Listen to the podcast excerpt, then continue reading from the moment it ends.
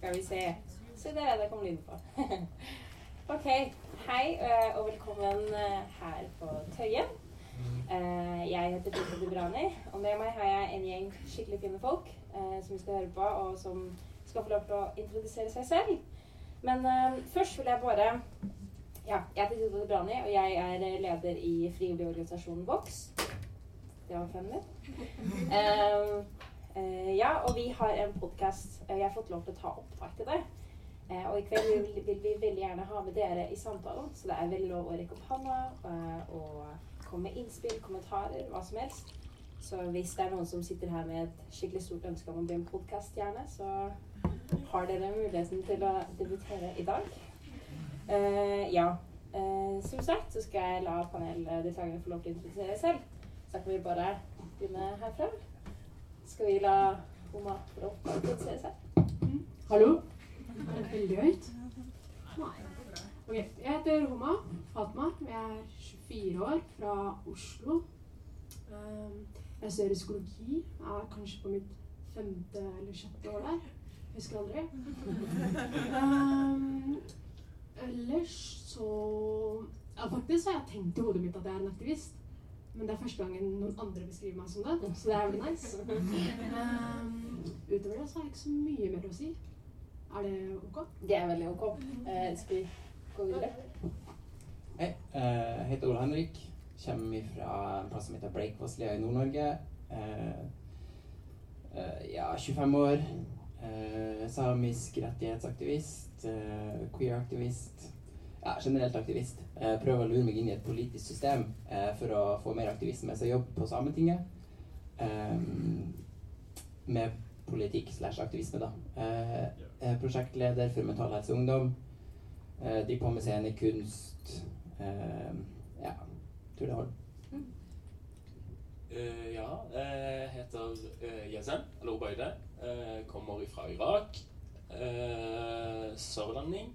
Uh, medgrunnlegger av Salam, hvor jeg i dag er assisterende generalsekretær. Utdannet som barnehagelærer. Ja. Mhm. Ja, Dere nevnte jo så fint at dere ble aktivister. Jeg har veldig lyst til å vite hva var det som gjorde at dere ble aktivister. Skal vi da begynne med deg, og så kan vi liksom rullere litt på det, kanskje? Uh, ja, hva gjorde Ja, ikke sant? Det, det er forskjellige ting.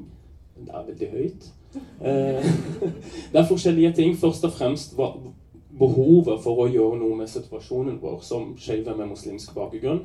Eh, og prøve å organisere oss sånn at vi kan ta tak i våre egne eh, utfordringer. Eh, rett og slett. Det, det var sånn det begynte. Mm. Kronologisk? Ja, la oss gjøre det. Eh, bra med system. Eh, ja, altså Everything is wrong in this world. Det er jo en god nok grunn for å bli aktivist. Eh, I hvert fall hvis du er både skeiv minoritet, men også etnisk minoritet. Eh, I tillegg til at vi styres, eller landet vi bor i, styres av en kapitalistisk tankegang som reduserer menneskerettigheter og menneskeverd. Eh, og det forløses jo i mange måter, og kanskje spesielt hvis du ikke er en del av den ja, altså majoritetsbefolkninga, da. Eh, så den annerledesheten og den avmakta eh, som jeg ofte har følt på, er jo en av grunnene til at jeg er en aktivist. Mm. Mm, jeg er veldig enig med disse to her. Og så vil jeg også si at jeg går ikke på femte eller sjette år, jeg går fjerde år psykologi. Jeg tenker litt på det. Det var greit å presisere det. Eh, nei, jeg har alltid Jeg vokste opp på Mortensrud, hvor jeg uh, som en pakistaner og skeiv og uh, også også fra en arbeiderklassefamilie så har jeg liksom skjønt det first hand, da, hvordan det er å være en minoritet på veldig veldig mange måter. Så det var liksom ikke noen andre måter å gjøre det på enn å bli en aktivist. Mm. Mm. Det var veldig godt svar. Eh, Isen, i, I fjor så var du med på God morgen Norge, og da snakket du om hvordan skeive muslimer ofte faller mellom to stoler. For liksom sitt eget miljø så er man da eh, skeiv, og så fra omverdenen så er man muslim. Har du lyst til å utdype ditt det litt grann for de som kanskje kan Ja, em, jeg sa at man eh, blir redusert til Ja. bare én del av mange deler av identiteten vår. Eh, og ja, I det muslimske miljøet blir vi redusert til bare skeive. Det, eh, det er sånn vi blir møtt. Ikke sant? Em, det er bare den skeive identiteten i fokus, og det er det som snakkes eh, om, og alltid skal påpekes. Eh, som f.eks. når jeg møter heterofile venner av meg. Eh, som ser bra ut sant, den dagen, eller lukter godt og gir et, et kompliment. Du lukter godt, og du ser bra ut i dag. Så plutselig eh, 'Bror, jeg er heterofil'. Ikke sant? Du blir jo møtt med det, ikke sant? og der føler jeg at jeg er blitt automatisk redusert til bare eh, en skeiv person, person i møte med en venn av meg. Mm. Ikke sant? Og når jeg går ut i, i det store samfunnet, så blir jeg også redusert til den muslimen, faren, trusselen mot våre verdier. Ikke sant? Og det, det liksom nyansene mellom disse to identiteter forsvinner. Mm. Eh, ikke sant? Det er det, ja, det er det jeg mener. Ole Henrik, føler du For du har jo gjort eh, ekstremt mye arbeid. Eh, blant annet så var du med på å arrangere Sami Trondheim, eh, Trondheim Pride i går. Eh, I fjor, mener jeg. I, jeg var litt sur. Ikke i går. Eh, Trondheim eh, så arrangerte du Sami Pride. Eh, føler du, eller er det Kan man si at skeive samer faller liksom Eller blir redusert til det samme, på en måte, da? Ja. Um, det er ganske komplekst uh, å prøve å skissere hvordan det er å være skeiv same. Uh, fordi at innenfor de samiske områdene altså Samiske samfunn er jo ikke homogen på noen som helst måte, og det er jo selvfølgelig ikke uh, altså, all, Ingen samfunn er jo homogen. Ordspill. Men i hvert fall ikke det samiske, som har lang geografisk distanser mellom seg, og, og kulturelle praksiser og aspekter som er såpass forskjellige at i f.eks.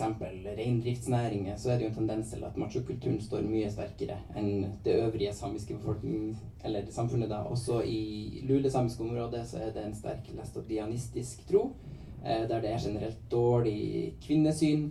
Så da kan man jo se på at eh, i læstadianske miljø er det verre å være lesbisk kvinne, mens i reindriftsmiljøet er det verre å være eh, skeiv mann. Og det gjør jo at man ofte reduseres eh, til at man i kontekst At det er veldig kontekstavhengig da, hvordan identitet du må operere med. Eh, og jeg er jo sånn sett heldig som ikke kommer ifra et sånt tydelig miljø som har sånne forutsetninger for å eventuelt eh, redusere meg i så stor grad som andre kanskje gjør i næringer eller i trossamfunn. da.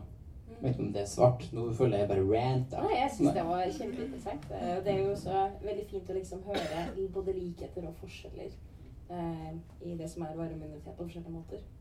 Um, I fjor Nå blir det veldig mye fjor her, men i fjor så hadde Ruter en kampanje, en skikkelig fin kampanje om kjærlighet mellom bydelene.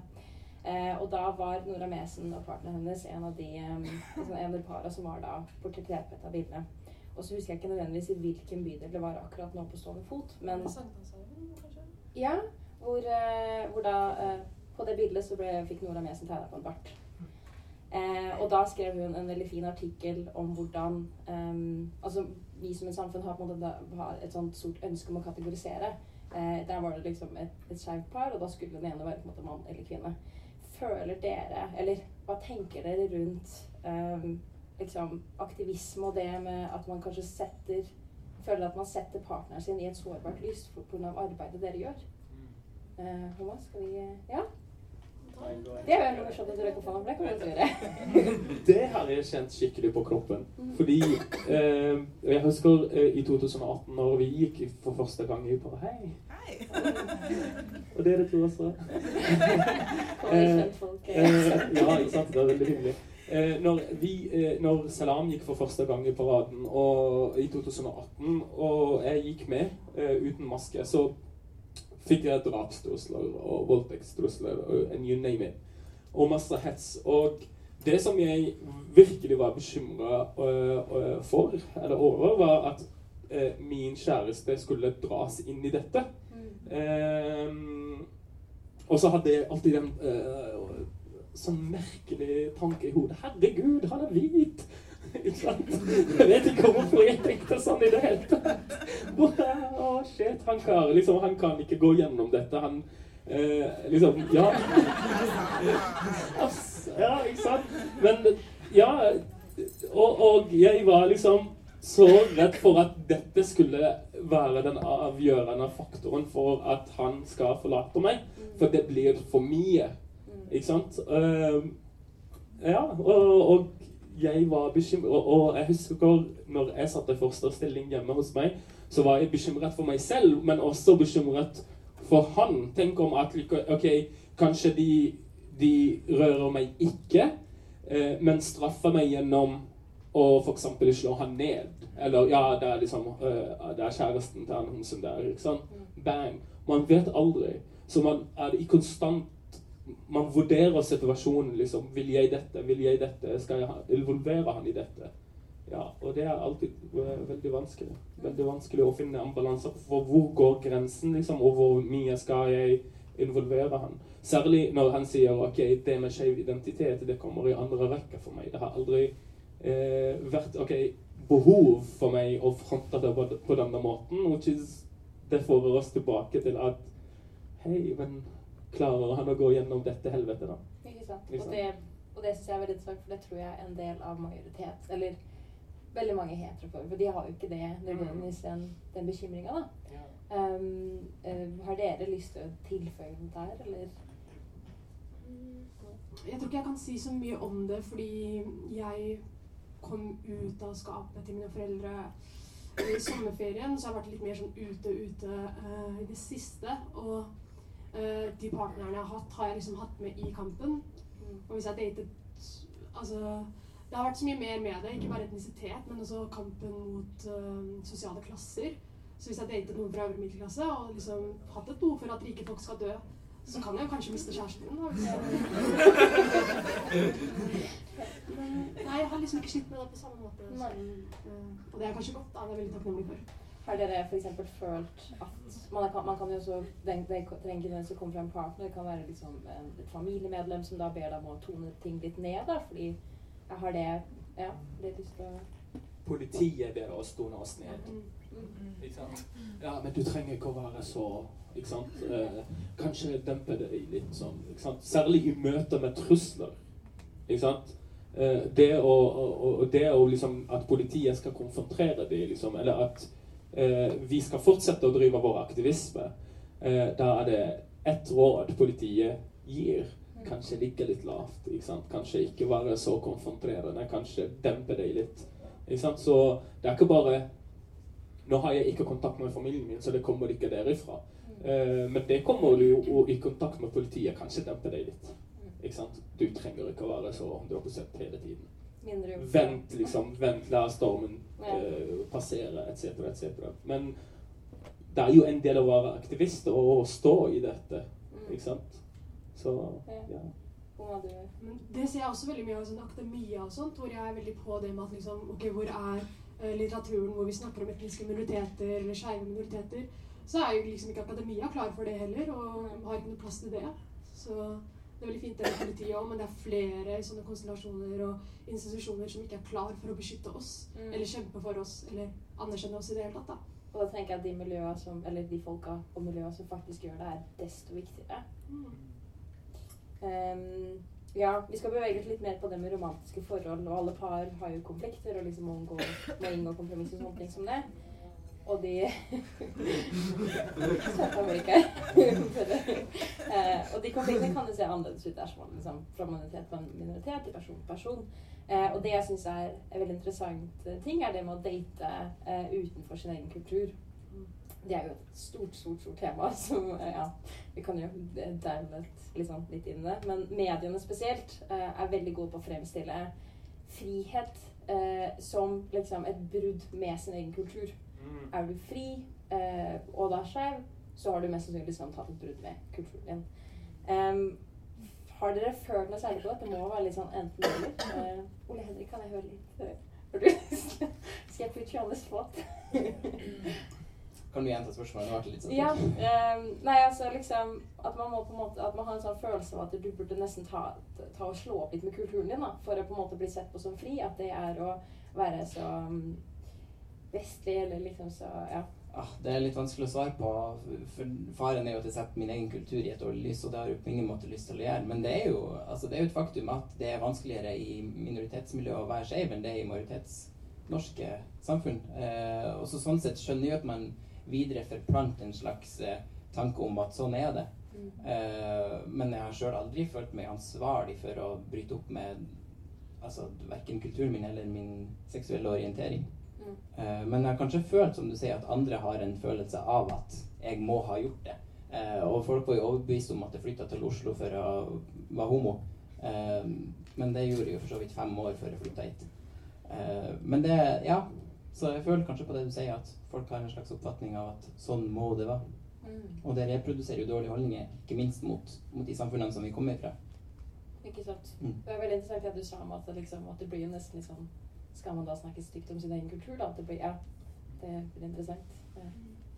Dere husker kanskje fra siste sesongen av Skam, hvor liksom alle hadde en forventning om at liksom Sana skulle uh, ikke gifte eller bli kjæreste med han Eller jeg husker ikke helt hvordan det gikk. Han skulle vel må, måtte kysse Ja, ja, og så ble det en sånn stor oppstandelse med det. Og så var det veldig mange, som bl.a. da, som skrev om det, om at det er jo ikke det viktigste i det hele tatt. Det er jo ikke et bevis på at Sana er fri nok, bare fordi hun kysser denne fyren, ikke sant. Mm. Eh, det syns jeg var veldig viktig, fordi det er jo som Også som en sånn pakistansk jente så vet jeg at det er en sånn forventning der om at hvis eh, Særlig fra majoritetssamfunnet at liksom jeg må gifte meg med en hvit mann for å bli frigjort, ikke sant.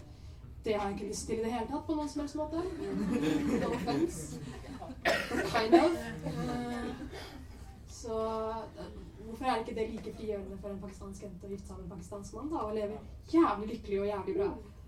Ikke sant. Mm. Jæklig bra spørsmål. fordi Det ehm, for. ja, vet du, fordi dette er min hverdag, Mm. ikke sant? Og, og det er dette jeg navigerer i hver eneste dag. Um, og så er det selvfølgelig forskjellig fra gruppe til gruppe, men denne forventningen ligger mest hos majoritetsbefolkningen. Mm. Ikke sant? Eh, og, og samtidig som jeg føler at det ligger en slags definisjon for hvordan du skal være fri, eller hva fri betyr. Og det er nettopp det at du har brutt fullstendig med din kultur og din religion, og du har gjerne bytta navn. Ikke sant? Og la meg drop, liksom, drop en name, da. Sholika Hansen. Du må nesten bli så langt unna der ikke sant? for at du skal bli definert som fri. Eh, eller Hæ? Ja, nei, nei, jeg har ikke sagt det. Jeg har ikke sagt det. Jeg har ikke sagt det. Jeg har ikke sagt det. Men det er sånne navn. Eller Keltam Aleksanderli. Og det er lov å droppe disse navnene. Det er viktig at vi gir eksempler på hvor galt det kan ende. At folk går helt, helt til, eh, til høyre. Eh, ikke sant? Hvis ikke du har gjort det, ikke sant? da er ikke du fri. Jeg hører, det er ikke sjelden jeg hører at jeg har en slags Stockholm-syndrom. Fordi jeg prøver å nyansere bildet innad. liksom, ja, men kjære dere, Det er ikke sånn at hver eneste muslim står på hvert hjørne og er klar til å stabbe meg. liksom, Stab, stab, stab. Det er ikke, det er ikke sant. Og et godt bevis på det er at jeg går og omgås på Grønland, på Tøyen, jeg bor på Grünerløkka, men det er mest her jeg er. ikke sant? Uh, ja, så nei, det, det, det må ikke være sånn. Ja, jeg har ikke så veldig god relasjon til familien min. Eh, og dette er fordi det er kulturelle. De føler at de har mistet sin sønn. Og det er en sørgeprosess som de må bare gå gjennom. Men det er ikke sånn at jeg gjemmer meg for muslimer. Ikke sant? Men hvis ikke jeg snakker om på en måte en Sånn generaliserende måte. Ikke sant? Alle muslimer vil drepe oss! Da er jeg ikke fri. Hvis jeg ikke sier at det står i Koranen homofile skal steines, men det er ikke min forståelse. Jeg beklager, jeg kan ikke si at det står der når jeg ikke forstår teksten slik. Ikke sant? Så ja, jeg hører ofte at du beskytter muslimer. Men hvorfor beskytter jeg muslimer og ikke beskytter jeg meg selv? Fordi jeg er jo, det er jo altså det at jeg blir ikke ansatt som muslim i tillegg til å beskytte muslimer. Ikke sant? Så ja, jeg, jeg føler på det hver eneste dag. Kanskje viser du ved din aktivisme at det er flere måter å være muslim på. Nettopp. Jeg bare kom til å tenke på Jeg, har, jeg fikk kjæreste i august, eh, og når vi ja. eh, I hvert fall eh, Når vi møter har introdusert oss sjøl for eh, nye folk, så er det jo alltid Når det kommer frem at jeg er same, så er det liksom OK, hvordan var det å komme ut? Eh, og det er jo et, sånn prakteksemplar på hvordan ah, Jeg blir så sliten av hvor indoktrinert og dum folk er. Eh, sorry, not sorry. Men hvorfor det skulle liksom automatisk være verre for meg enn for han, selv om han er eh, ja, Ikke snakk sykt om kjæresten min foran så mange folk, men at han, han er ikke minoriteter, for å si det sånn. Eh, men at det er en sånn automatikk i at At liksom Han er hvit, det går selvfølgelig bra. Eh, fordi vi som er hvite, er liksom de mest aksepterende og kule folkene i verden. Eh, ikke, det er helt greit å være hvit, det er ikke det jeg mener. Men, men det er liksom en sånn superior tankegang om at man er så jævla aksepterende, og så er praksisen så jævlig motsatt. Eh, get a perspective. Det er det, ikke sant? Homonasjonalismen er så gjennomsyrende i, i Norge at vi har faktisk en tanke om at majoritetsbefolkningen det er bare å komme ut. Mm. Ikke sant? Jeg bare Hey, mom, I'm gay. Og det er bare Å, klemmer og hakser og å, alt mulig bra. Men det er ikke realiteten. Kanskje det er realiteten i Oslo. Men det er ikke realiteten i Bergen. Det er ikke realiteten i Trondheim. Og vi alle vet hvordan det er å være skeiv på bibelbeltet. Det, det trengs ikke mer forklaring. Så ja. Men allikevel så tenker vi at å, alt i Norge er fantastisk. Det er bare å stå frem. Syns dere at mediene du, jeg beklager, eh, syns dere at mediene er med på å liksom forsterke det bildet?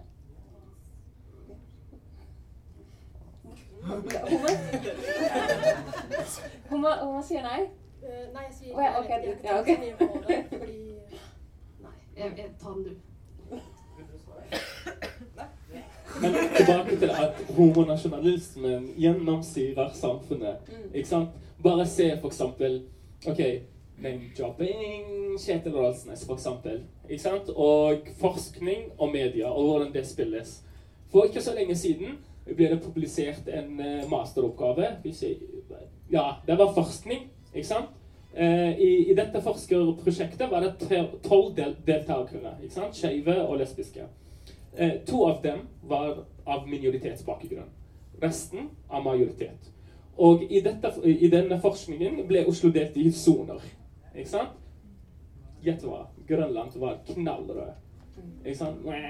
Alarm, alarm. Ikke sant? Mens andre steder var bra. Sankthanshaugen, Frogner, vestkanten etc. Men at de skeive sa også at det fins noen steder i Grønland hvor vi føler tilknytning til. som f.eks. Urtehagen eh, barnehage, hvor det er regnbue.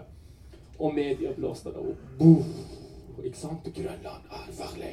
Ikke sant? Eh, og så kom Kjetil Rolsnes og HRS and you name it. Men parallelt ble det eh, lansert en, eh, en eh, rapport som, sier, eh, som er forskning på hvordan det er å være skeiv i Agder, på Sørlandet. Det skapte ikke like mye debatt. Og det var omfattende rapport. Med flere deltakere, ikke bare tolv, hvor to av dem er minoritetsfolk. Ikke sant? Det skapte ikke debatt. Det var ikke noe, det var ikke farlig. Eller når et eh, rainbow-flagg ble revet ned og, og revet i stykker her på Grønland. Det til og med skapte større debatt enn rapporten som kom ut som heter 'Levekår for skeive med muslimske med minoritetsbakgrunn. Ikke? Så ja, hvis det er noen med minoritetsbakgrunn, eller innvandrerbakgrunn, eh, er homofob, det tar så mye plass, og det vies masse spalter for det. Men om det går the other way, da er det ikke det. Ikke sant? Da er ikke det like farlig. Det får ikke like mye oppmerksomhet. Eh, Men sånn, bare sånn kort sagt også, så handler det mye om at skeive folk, når de kommer ut, eh, eller når folk spør da, hvordan var det å komme ut, så er det veldig tydelig at når hvite folk blir spurt, så har, ønsker man den der positive historien som bekrefter at Mm. det etniske nordmenn er så aksepterende. Og når en skeiv eh, etnisk minoritetsperson skal komme ut, så ønsker man den der dystre sosialpornografien som liksom kan bekrefte at disse mørkemennene finnes. Mm. Eh, det er jo sånn det er. liksom. Veldig godt poeng.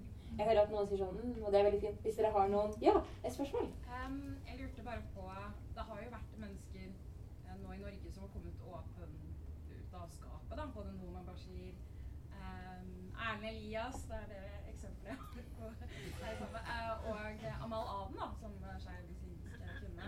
Eh, har det bidratt til at eh, det er mer aksept eh, blant majoritetsbefolkningen, siden de, har vært, eh, de er ganske profilerte personer? Veldig godt spørsmål. Uh, hørte alle det? Supert. Uh. Eh, jeg kan ikke svare for eh, eh, Hva heter han? Eh, Edland? Erlend Elias. Ja, Adeline Elias. Men jeg kan si noe om f.eks. Amal Aden og Kaltam Alexander eh, Lie. Um, For mange, vil, mange ville sagt at ok, disse har banet veien for skeive med muslimsk bakgrunn. Tja. Ikke sant? Eh, fordi de har ikke bare stått frem som skeive med muslimsk bakgrunn, men de har også bidratt ikke sant? og gitt store bidrag til å polarisere debatten ikke sant? om det å være skeiv med muslimsk bakgrunn. Fortsatt til den dagen i dag har ikke Amal Aden eh, dokumentert de 332 truslene hun har fått. Ikke sant? Hvordan bidro det til at det, vi skulle ha det bedre og nyansere bildet, det vet jeg ikke. Eller han andre som skriver 'alle muslimer vil drepe oss'. Ikke sant? Det, det er derfor jeg sier tja. Fordi Henrik Ja, Erlend Elias er vel kanskje eh,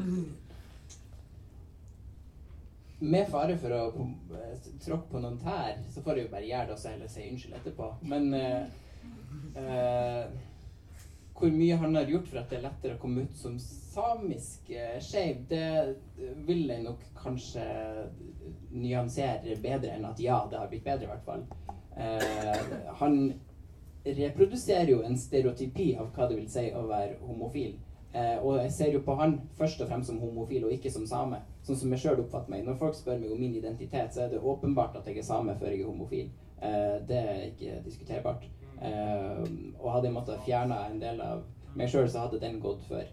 Eh, da hadde jeg heller vært liksom uten et kjærlighetsliv eller mønster, fordi min etniske tilhørighet er såpass sterk, og det er så mye følelser i det. Eh, så sånn sett så føler kanskje ikke han er den beste representanten for å være skeiv og samisk. Det er klart han har jo sett det, som en problemstilling ved å være det, for det er jo ikke så mange som er det, som er såpass kjent. Men det er jo kanskje litt kritikkverdig at det arbeidet han gjør, ikke retter seg inn mot det samiske samfunnet, men at det er en, kanskje mer en sånn eh, populærkulturell eh, approach, da. Eh, jeg skulle gjerne ønske at han kanskje tok initiativ til å besøke de samiske kjerneområdene, og kanskje involvert seg i Garmeres som en den skeive samiske organisasjonen som jeg er med i. Eh, da først tenker jeg at det blir autentisk. Mm, Jeg kan ikke, ikke si så mye om hvorvidt det at Noman Bashir og Amaladen kommer ut av skapet, gjør meg noe godt. Det jeg kan si, er at så lenge måte, vi snakker om interseksjonalitet i kveld, og hvis den homokampen din i tillegg ikke er antirasistisk, så skyter du deg selv i foten, og du gjør det mye verre på veldig mange måter. Og hvis den på en måte ikke er antikapitalistisk, og hvis den ikke er antikolonialistisk, så, så er det ingen systemendring der. Og da er det ingen bedring uansett. Og det er det man går glipp av da, på veldig mange måter. Litt som å spesifisere at man er, spesifisere at man er interseksjonell feminist, liksom. Eh, ikke sant? For at en offentlig person skal ha en påvirkning på meg, så må jeg se på denne påvirkningen i lys av alle mine identiteter. Jeg kan ikke se på hva Amal Aden eller uh, Erlend Elias. Eller Roman Bescher uh, hva de har gjort på meg isolert kun for min skeive identitet. For den skeive identiteten henger ikke der alene. Ikke? Den kommer ofte med muslimen. Ikke sant?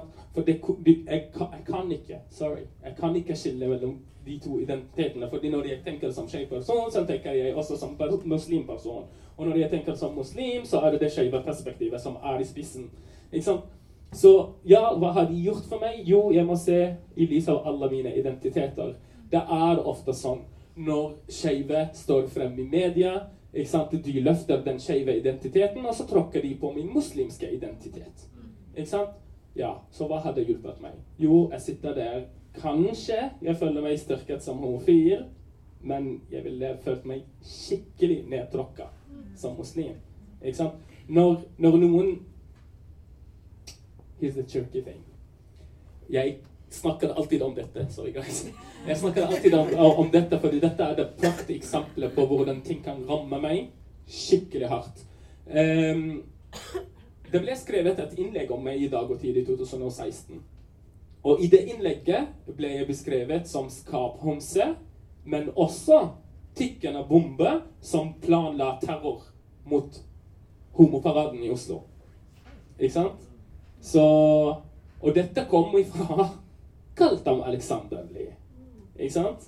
Og han beskrev meg så detaljert at til og med mennesker som ikke visste hvem jeg var, skjønte at det var meg det var snakk om. Fordi jeg var den personen i den organisasjonen. Ikke sant? Så her ble jeg først og fremst ikke tråkket på som eh, en eh, homofil, fordi det var liksom bisetning, skarp homse. Ikke sant? Hovedfokuset var på at jeg var muslim. Jeg var en terrorist som faktisk har planer om å sprenge folk i filler. Ikke sant? Så jeg kan ikke si at nei, det at han sto frem, har hjulpet meg i det hele tatt. Jeg håper det var bra svar. Det er jo så litt det du sa, eh, Ole Henrik, om at det er liksom normalt hvis de ikke inkluderer disse flere aspektene ved det. Så ja. Ja, jeg kan jo legge til at altså, for meg er jo samiske rettighets... eh, altså, jeg er en ganske sterk samisk rettighetsforkjemper. eh, og vi er jo, lever jo i et land som bare fortsetter med en eh, moderne assimilering og kolonisering av meg og mitt folk. Og når kjente personer som er både skeive og samisk eh, Det er jo kanskje innlysende skrevet menn, da, men Erlend Elias, da. Eh, når han i så fall snakker åpent om det homofile, så, så er det en bismak i det fordi engasjementet for samiske rettigheter ikke er i bunnen. Og da er, det, da er han bare en av mange som kjemper homofile rettigheter. Eh, og dermed så har det ikke så veldig stor påvirkning på meg på et personlig plan i hvert fall. Og jeg tror ikke det har så veldig mye å si for eh, de øvrige skeive samene. Mm. Bare sånn jeg syns det, det var veldig interessant det, det her. Er, det noen sånn kule folk vi kan se opp for, som liksom du føler på at det gjør litt her? Annet enn deg selv? Som kule sammen man burde ikke, følge med på? Eller har du noen tips? Som driver på med Ja, bare sånn, sånn kort har du noen? Eh, David Brun Solbakk. Eh, sykt kul.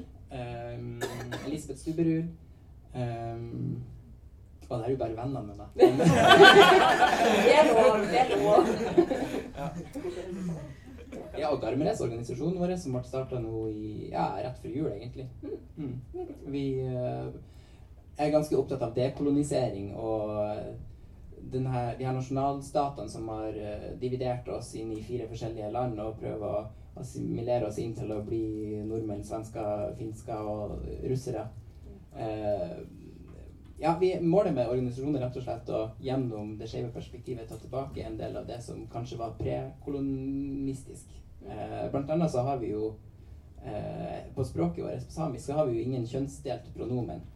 Eh, vi, det er jo det samme om du er han, hun, det eller hen eller they, them. Ja, uansett. Um, så det er det samme pronomen uansett. Og da tenker jeg sånn uh, Det forteller kanskje noe om hvordan vi tidligere har sett på kjønn. Eller hvordan vi egentlig ikke har sett på kjønn. For det har liksom ikke vært av stor uh, betydning, annet enn kanskje reproduktive årsaker. Uh, har det kanskje hatt en funksjon, men ellers så er det Altså, funksjonen med kjønn er ikke så stor som det vi har konstruert i en vestlig verden, da. Som er veldig interessant nå når man i dag skal være sånn Å, vi er foregangsland i Norge som snakker om hen og kjønnsløse pronomener. Ja, well, det har vi gjort i flere hundre år, så velkommen etter. Veldig kult. Hvor du En en annen ting som også er viktig da, når man snakker om skeive forbilder og identitet også, så er det det at uh, mange som kommer ut, er gjerne homofile eller lesbiske, men mange av oss skeive er jo ikke nødvendigvis bare det. Vi er ikke-binære, vi er biseksuelle transpersoner. Så det, bare fordi noen mennesker kommer ut, så betyr det ikke at vi alle automatisk føler oss sett likevel. Det gjelder jo også etnisitet. Hvis en pakistaner kommer ut, så betyr det ikke at det er representativt for en somalier eller en kurdisk person i det hele tatt. Eller en albaner, da. Og jeg vil komme ut av skapet som pakistaner. Komme ut som pakistaner. Tonight's night.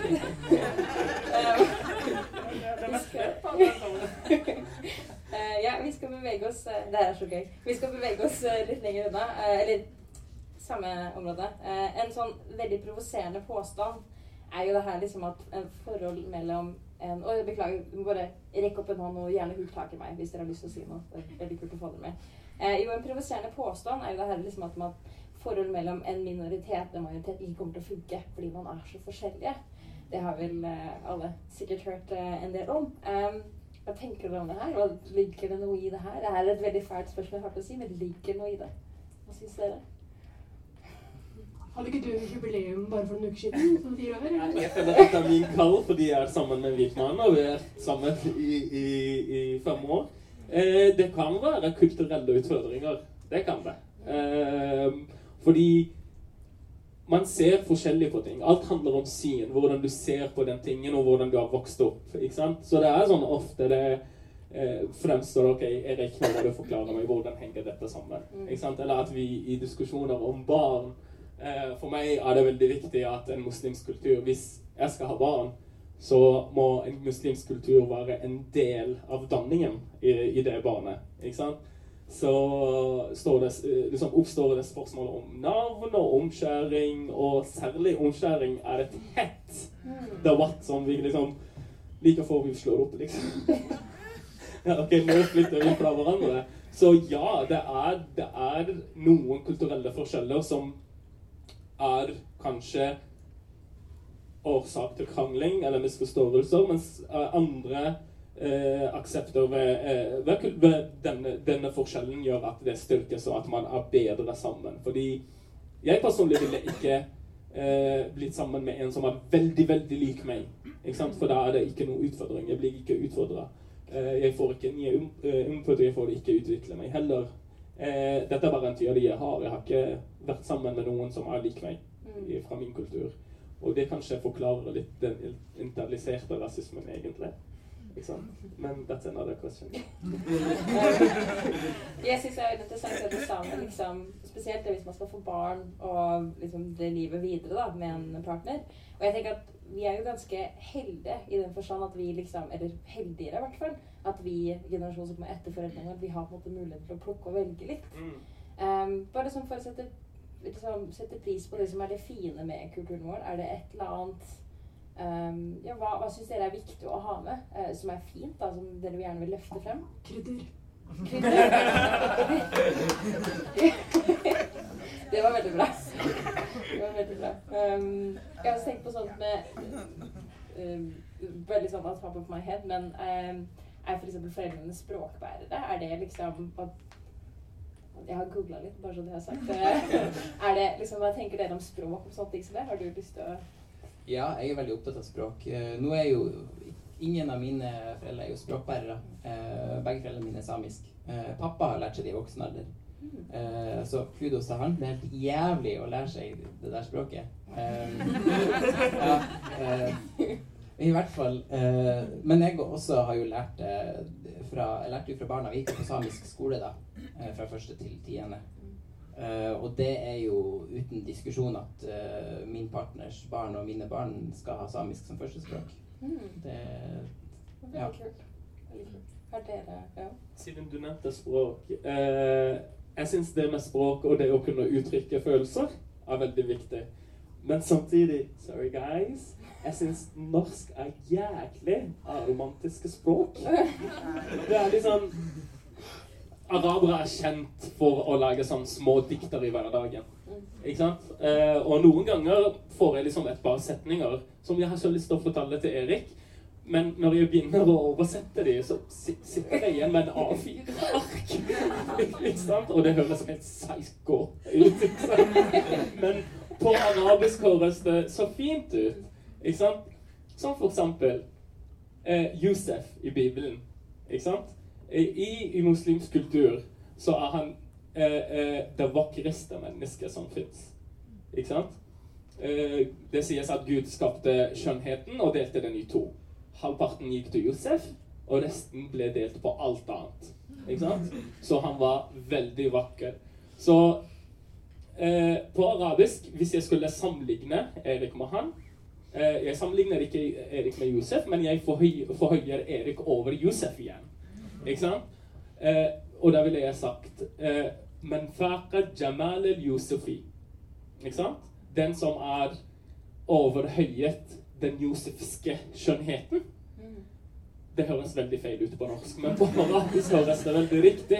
Det er derfor jeg føler at jeg får aldri Nå kommer jeg til poenget. At jeg får aldri uttrykke mine ekte følelser for Erik, fordi norsken blir en barriere. Veldig interessant. Oma, du nevnte krydder. Er det noe annet med pakistansk kultur? Eller? Eh, jeg tror på en måte det er viktig at eh, som jeg har skjønt med. Jeg kan veldig mange språk, men jeg merker ofte når jeg kommer hjem til mamma og pappa at urduen min kunne gjerne vært bedre. For jeg merker at eh, det er noen ting som begrenser meg veldig i min forståelse av dem og deres forståelse av meg, fordi språket ikke er på plass. Eh, så tenker jeg sånn Hvis jeg får barn en dag, uh, hvordan skal de kommunisere med mine foreldre? Mm. Det tenker jeg mye på. Så jeg må bare styrke min urdu, og så må jeg gi barna mine det samme hvis jeg får barn. Mm, Jeg, tror- jeg syns språk er viktig, for det er en representasjon av våre tankesett og våre kognisjon. Da, måter å tenke på og føle på. Og mene og våre forestillinger om verden. Mm. Veldig fint sagt. Og bare skal, jeg skal snakke om språk, fordi eh, språk er det som fører en kultur videre. Ikke sant? Eh, uten språket så er det ikke noe kultur. Jeg, skal, eh, jeg jobber i en barnehage, og eh, jeg har en del barn med minoritetsbakgrunn, og jeg hører ofte mødrene snakke til dem på norsk i, in, i sånn levering- og hentingssituasjon. Og da går jeg og prikker faktisk på at liksom jeg minner dem hver eneste gang de sier et norsk ord, så sier jeg 'snakk ikke på norsk til dine barn'. Ikke gjør det. Eh, Nei, men det er viktig. Det er viktig. Det er ikke, det er ikke et opprør mot det norske, men for en mor ikke sant? Morsmålet er det beste språket du kan uttrykke dine følelser for. Ikke sant? Med, mener jeg. Ikke sant? Og det er så viktig for ungen for å utvikle seg bra. For å kunne sette også ord på sine følelser på norsk. Som å kunne f.eks. Eh, somalsken, eh, urduen eller eh, swahilien. Den må sitte godt for at de skal ha en god forståelse av seg selv. Så hvis dere har barn med minoritetsbakgrunn, ikke snakk norsk med dem. Og så viser, de også, så det viser seg også at det, spesielt hvis norsk er andre språket ditt, så lønner det seg å snakke til barnet på det språket du kan best. Ja, riktig. Det er, ja. Ehm, sånn apropos det med språk, for eksempel, sånn, fordi man har det blikket på seg selv. Um, hvis man skal ta med seg en, eh, en partner hjem til foreldrene sine, hva er det de burde kunne? altså, hvordan, hvordan prepper man dem, liksom? Er det, burde de liksom er, Det blir nesten som om de måtte gå litt sånn opp til eksamen, så har foreldrene sensorene. Har dere noe sånn Hva er viktig for dem å kunne fordele ta med dere hjem? Noen som har lyst til å Jeg hadde bare sagt, liksom sendt en melding en time på forkant. 'Hei, jeg kommer til middag med kompisen min'. Jeg elsker hvor de skremmer det Det er. Hei, vi, jeg og min kompis kommer på middag. Kalas. Og så blir det Har dere alle har sett Jalla Jalla? Ja. Ja. Det er mitt liv hver gang jeg har norske venner med meg hjem. Det er liksom Det kan ja, ja. forklare litt. Ja, du er. sier noe der, fordi liksom, det, det er det samme når vi tar med venner hjem. De må jo forberedes da. Liksom, så, og vennene må forberedes. Så, Mm. men så er det viktig å huske på at det er noen par der ute og noen på en måte, familiekonstellasjoner som øh, har det e- helt ok med at man ikke møter hverandres foreldre også. Det er helt legit. Eh, og det er ingenting galt med det hvis det er en enighet der da, om at det er tryggere, f.eks. Igjen, liksom, eh, igjen så, hva er i vår forståelse av hva frihet er? ikke sant? Den, det er ikke nødvendigvis så realistisk for veldig mange av oss, og ikke det viktigste. Den viktigste definisjonen. Ja. Jeg elsker å ha deg med, for du er sånn skikkelig psykolog. Det føles som at psykologisk Jeg er ferdig utdannet om tre år. Ja. um, Ole Henrik, har du lyst til å er, er det et land eh, din partner må preppes til? Vi skal ta med? Altså, jeg tenker at Hvis ikke partneren er nok peppa etter å ha vært i lag med meg i et par måneder, så er det liksom, er det ikke så mye jeg kan gjøre. Jeg, jeg er jo først og fremst resultatet av mine foreldre på godt og vondt. Mm. Eh, så jeg tenker at det er en naturlig prepping i det å være med meg. Altså, jeg har jo eh, ja, tatt han de gangene han sier noe som er insensitivt, eller som på en måte er borderline racist, selv om han ikke er klar over det. Eh, så, så det tenker jeg at den opplæringa bør jo være gjort før det er liksom ikke andre date og så hjem på middag. Ja. Men nå er det jo geografisk avstand opp til Nord-Norge, så det er jo det har gjort det litt lettere å forskyve det der Man møtet. har altså flyturen på vei til å preppes. Ja. Jeg har det litt annerledes hjemme, egentlig, fordi uh, foreldrene mine kom veldig voksne til Norge, altså uh, 50 pluss. Så norsken sitter ikke helt riktig hos dem. De kan si noen ord. Uh, og den eneste kjæresten, uh, guttekjæresten jeg har hatt med meg hjem, var nordlending. Ikke sant? Og, så jeg fungerte heldigvis som tolk, og så jeg kunne kontrollere samtalen mellom dem. Ikke sant? Hvis han sa noe ikke sant, border rasistisk, ikke sant? Ja, veldig, veldig ufølsomt sånn, så ville jeg rette det liksom Å ja, han sa det og det, det var fantastisk. Maten var bare. Ikke sant? Og hvis de tenker liksom at hei, uh, ikke sant, han er norsk, liksom Og da sier de å, du er fantastisk, mamma elsker deg. Så det er egentlig chill. Men, men den gangen, jeg, den gangen jeg hadde med meg min kjæreste hjem, så det rådende stemningen var 'don't ask, don't tell'. Ikke sant? Eh, kjæresten min visste at vi skulle hjem til foreldrene, og de visste at jeg skulle komme med en kompis. Men eh, også de vet at jeg hang veldig mye med denne kompisen. da. Vi bodde sammen, og vi hadde bare et soverom. ikke sant? Eh, de kom på, fordi de kom på besøk til meg og min kompis, så det var det der liksom Don't ask, don't tell. Som var det. Så jeg slapp mye egentlig av det. Og det, det er så behagelig. Det er så behagelig, fordi jeg vil gjerne slippe å høre min mamma spørre meg ja, hvordan går det med dere egentlig. Ja, ikke sant? Det ville vært mer ubehagelig for meg å snakke om. Føler dere at vi, liksom, at vi må stille høyere krav til den vi dater? Kan, må det på en måte være litt sånn Altså jeg, jeg føler i at når jeg skulle ta med min partner, så var det vel sånn at han må være the one, eller så går det liksom. Er det, føler dere på at det blir litt sånn? Jeg snakker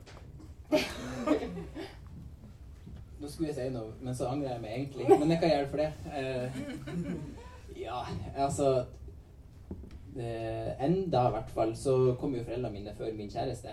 Uh, og det kommer de nok til å gjøre noen år til. Eh, så det er klart, hvem du er sammen med, er jo en forlengelse av hvem du sjøl er som person, og hvilke valg du tar. Så det er klart, det stilles ganske høye krav for at han skal få komme, komme hjem. Nå har han jo gjort det, da. Så. Jeg tenker det er viktig å stille krav til kjæresten sin uansett, liksom, eh, med tanke på antirasisme og sånne ting. Så hvis det, det er liksom det viktigste for min del. Eh, Men om vedkommende må være the one, det har jeg liksom ikke tenkt så mye på. Men jeg antar det. Um. Jeg tenker på ting når du spurte om hva som var viktig for, eh, for kulturen, og det var krydder her. Uh, det her er faktisk en, i, I samisk matlaging så finnes det bare salt og pepper, så jeg skulle ønske jeg kunne si det samme. Men uh, jeg er veldig glad i krydder, da. Men det som jeg er veldig opptatt av i en samisk kulturell tankesett, er jo ressursbruk. Eh, nok en gang velkommen etter Norge når det kommer til kildesortering og bruk og kast og overproduksjon. Eh, det har vi gjort i noen tusen år. Eh, vi liksom slakter dyret som skal spises, og så bruker vi alt, til og med tarmer. Eh, og hud og hår, holdt det på å si, og hode, og det er ikke måte på. Så det er jeg veldig glad for å komme fra et, en kultur som på en måte verdsetter verdsetter de ressursene som finnes tilgjengelig, og forvalter dem på en måte som er bærekraftig. Og jeg fikk jo ble du dratt litt i ørene fysisk når jeg kom hjem og hadde vært altså, vært bestemor eh, så hadde vært og fiska. Og så kom jeg hjem med 20 fisk. Og det var jo mer enn jeg og hun hadde tenkt å spise den dagen, så det ble jo sløseri.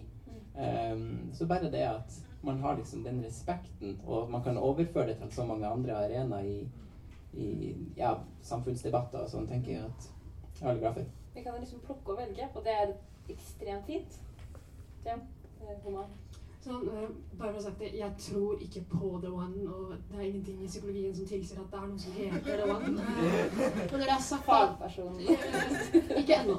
Eh, men som du sier, da, og det er så viktig at det du sier med ressursbruk, fordi ofte når man snakker om dating, og det er etnisitet i bildet, eller queerness, så er det liksom bare det det handler om. ikke sant? Så blir vi ikke sett på andre måter som at liksom eh, vi også er i stand til å ha forhold som handler om mye eller literally det samme som alle andre forhold. Det med sjalusi, eller bare det om pengebruk, eller eh, Vi har de samme konfliktene, de samme temaene. Det å ha barn, ikke sant. Og det kommer aldri til syne. Eh, fordi igjen så blir f.eks. jeg redusert til hun som skal bli frigjort av en hvit mann, ikke sant. Eh, så det er også veldig viktig eh, at det kommer frem. At hvilke mål og ambisjoner man har også, varierer jo veldig mye mellom par til par. Mm, ikke sant. Um, jeg har et sånn ja, Det jeg syns Eller fordi ekteskap ble jo mellom likekjønna ble tillatt i 2009. Men fortsatt i verden så er det veldig mange land hvor det her ikke er tillatt. Og når man bor eh, i et land hvor man har mulighet til å velge det bort, hva føler dere Eller hva føler dere om liksom ekteskap? Er det på en måte Det ble veldig stort, men hva Ja?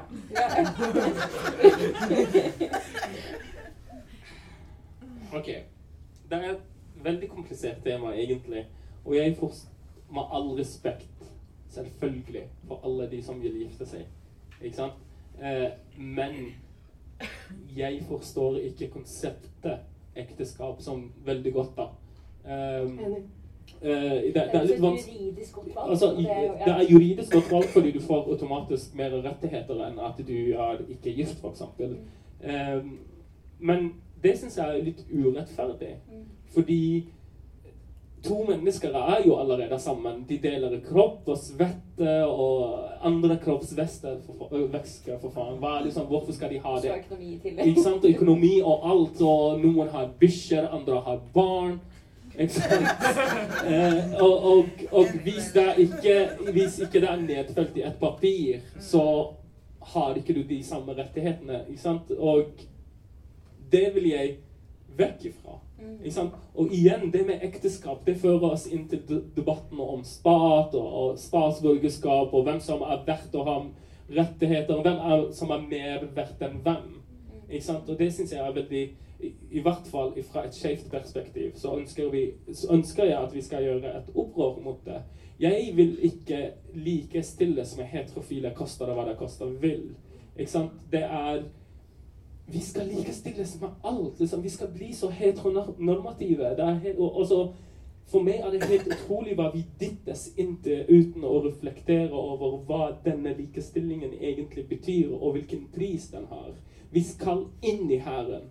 Vi skal inn i militæret. Selv om at det militære bomber i Midtøst, Midtøsten stikk, i stikker.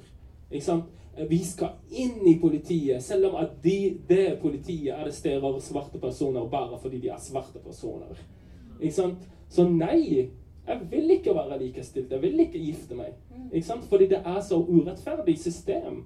Ikke sant? Og sett fra et heterofilt perspektiv så er det Jeg føler at det går ofte utover kvinnen ikke sant? og hennes rettigheter igjen. Ikke sant? Så vi bundes inn i et papir. For å få de mer rettighetene. Ikke sant? Fordi det er ikke heller å bare skille seg. Ikke sant? Eh, Jeg, jeg er helt enig. og jeg tenker på at liksom, Det er helt ok å gifte seg, og det kan være meningsfylt for veldig mange. Men når man først går inn og ser liksom, hvilke patriarkalske strukturer som ligger til grunn, hvilke kolonialistiske strukturer som ligger til grunn, så, så tenker man seg veldig mye om.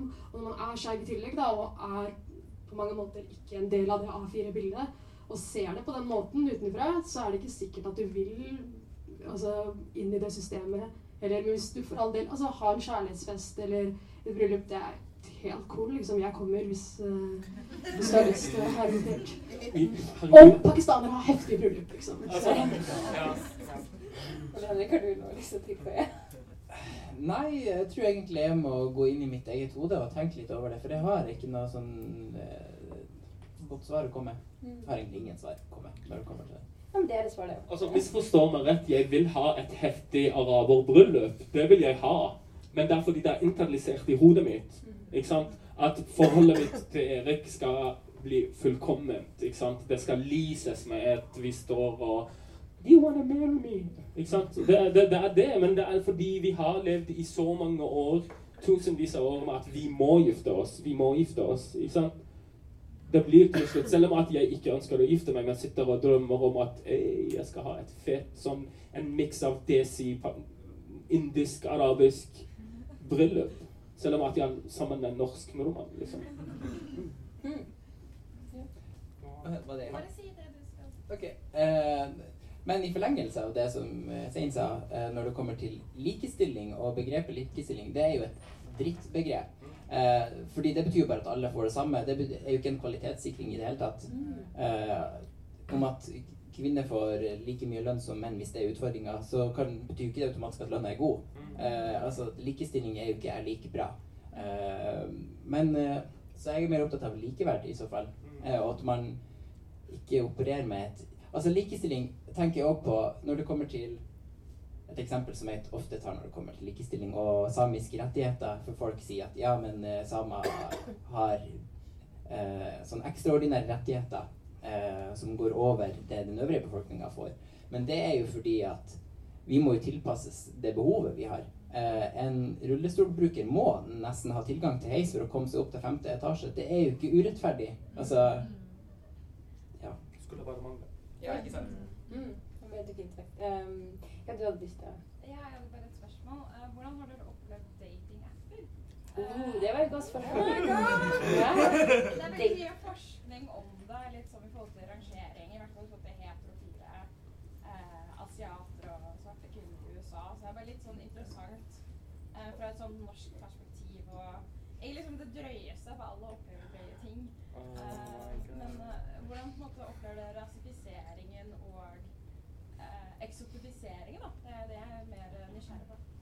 Hørte alle spørsmål? Supert. Oh my god, I love you!